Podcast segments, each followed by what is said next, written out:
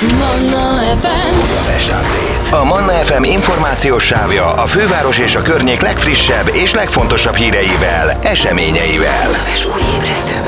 A mikrofonnál István Dániel. A Budapest Update-ben most arról, hogy karácsonyi hangulatban várnak mindenkit a természet kincsei a lelkes ásványbőrzén a Lurdiházban december 9-10-én és 11-én. Az évidei utolsó nagyszabású ásványos rendezvényén újra a természet csodálatos alkotásai kerülnek reflektorfénybe. A vonalban itt van velünk Pálma Ildikó szervező. Jó reggelt, Ildikó!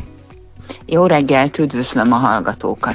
Engem mindig is érdekelt, hogy valóban léteznek-e bármilyen hatással ezek az ásványok ránk. Ugye többször halljuk, hogy a különböző csillagjegyűeknek például más ásványa jó. Van ennek bármi nemű tudományos bizonyított tényet? Erről tudsz valamit? Igen, az az igazság, hogy én írtam cikkeket, hiszen ékszerkészítőként nagyon foglalkoztatnak az ásványok, az ásványok hatásai, és elvégeztem egy olyan kísérletet, hogy rám milyen hatással vannak az ásványok, és egy labradorittal folytattam ezt a kísérletet.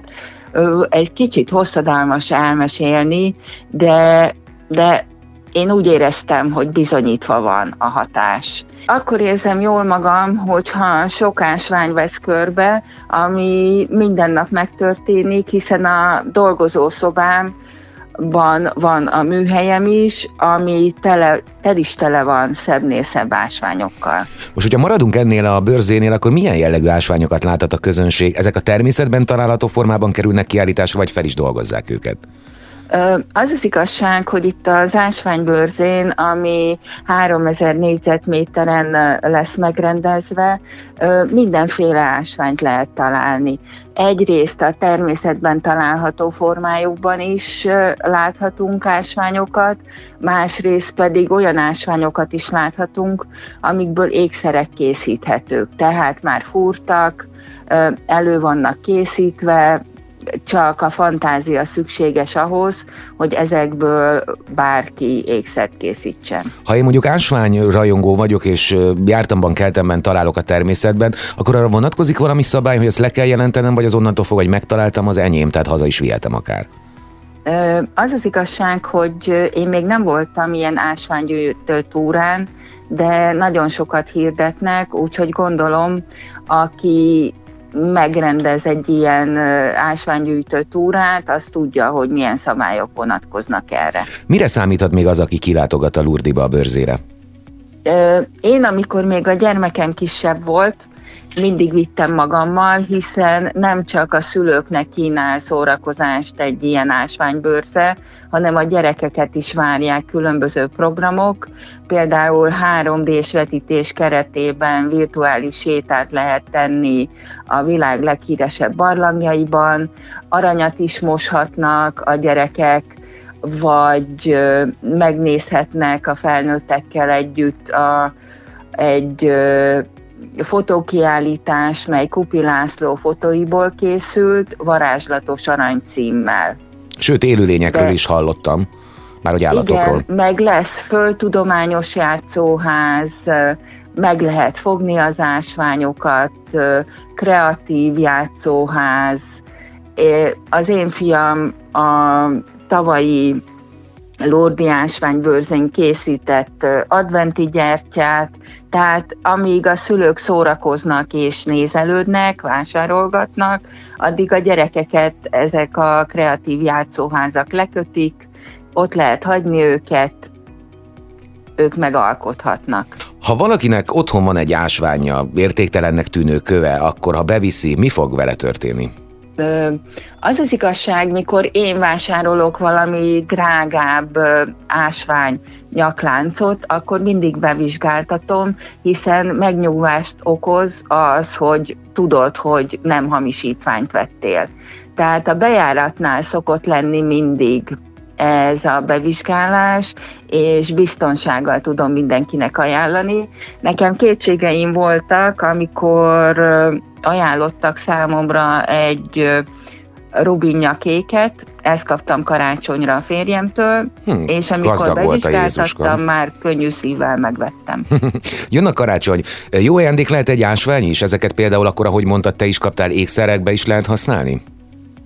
Persze, tehát az az igazság, hogyha valaki kilátogat erre a Lurdi ásványbőrzére, akkor, akkor biztos talál olyan ajándékot, amivel örömet tud szerezni, vagy egy nyakéket, vagy egy fülbevalót, vagy egy karkötőt, vagy akár egy darab gyönyörűen megcsiszolt ásványkövet.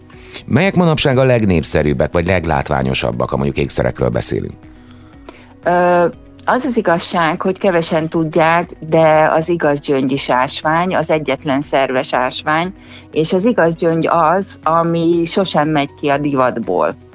És utána olvastam a mostani trendekben is az igaz gyöngy benne van, tehát ha valaki előveszi a nagymamája igaz nyakláncát, akkor trendivé teheti, mondjuk fölveszi egy modernebb ékszerrel együtt, hiszen az is trendi most, hogy egyszerre több ékszert viselünk magunkon, vagy hát mit mondjak, a hegyi kristály, ami az ünnep fényét is emelheti, hiszen a hegyi kristályokat olyan gyönyörűen csiszolják, hogy amint megcsillan rajta a napfény, láthatod a különböző különböző fényben a különböző megjelenését a hegyi kristálynak. Visszatérve az igaz gyöngyre, az is bizonyítja, hogy tulajdonképpen időtálló divat, hogy például az etikett szempontjából, ugye amikor temették második Erzsébet királynőt, akkor azt tanácsolták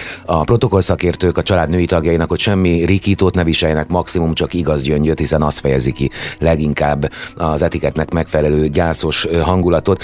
Hogyan alakul egyébként globálisan az ékszertrend manapság? Minél nagyobb hivalkodóban, annál csinosabb, vagy a kevesebb néha több eleve eleve érvényesül, elve? A trendekben mindig benne van az, hogy egyrészt hivalkodó legyen, tehát azt is mondják, hogy vegyél fel egy egyszerű farmernadrágot egy pólóval, és az ékszered legyen trendi. Lehet, hogy egyszerűbb és költséghatékonyabb így felöltözni és trendivé válni, mint az, hogy minden szezonban újabb és újabb öltözéket vásárolni, de amint említettem, tehát, hogy több ékszert is viselünk ebben a téli időszakban, azzal válunk trendivé, vagy hatalmas fülbevalót viselünk egy egyszerű öltözékhez, vagy aszimmetrikus formát hordunk, vagy feltűnő színű ásványokat viselünk most, itt a téli borongós időszakban, és akkor talán sokkal jobb kedvünk lesz. Tehát nagyon izgalmasak a trendek, mindig tavasszal, tehát mindig tavaszi-nyári, őszi-téli trendek vannak, érdemes ezeket figyelni, hiszen kis erőfeszítéssel már a megjelenésünk nagyon trendivé válhat. December 9-e, 10-e, 11-e tehát az időpont az ásványbőrzéhez. Kiket vártok igazán? Hétvégi, jövő hétvégi ásványbőrzén a a várakozásoknak megfelelően közel 180 kiállító várja a látogatókat, amint említettem 3000 négyzetméteren, Pénteken, szombaton 10 órától 19 óráig lesz nyitva a rendezvény, vasárnap 10 órától 18 óráig. Azt gondolom, hogy mindenki számára érdekes programokat kínálunk, hiszen nem csak a felnőtteket várjuk sok szeretettel, hanem a felnőttekkel érkező gyermekeket is. Pálma Ildikó, köszönöm szépen! Én is. Manna FM. A Manna FM információs sávja a főváros és a környék legfrissebb és legfontosabb híreivel, eseményeivel. A mikrofonnál István Dániel.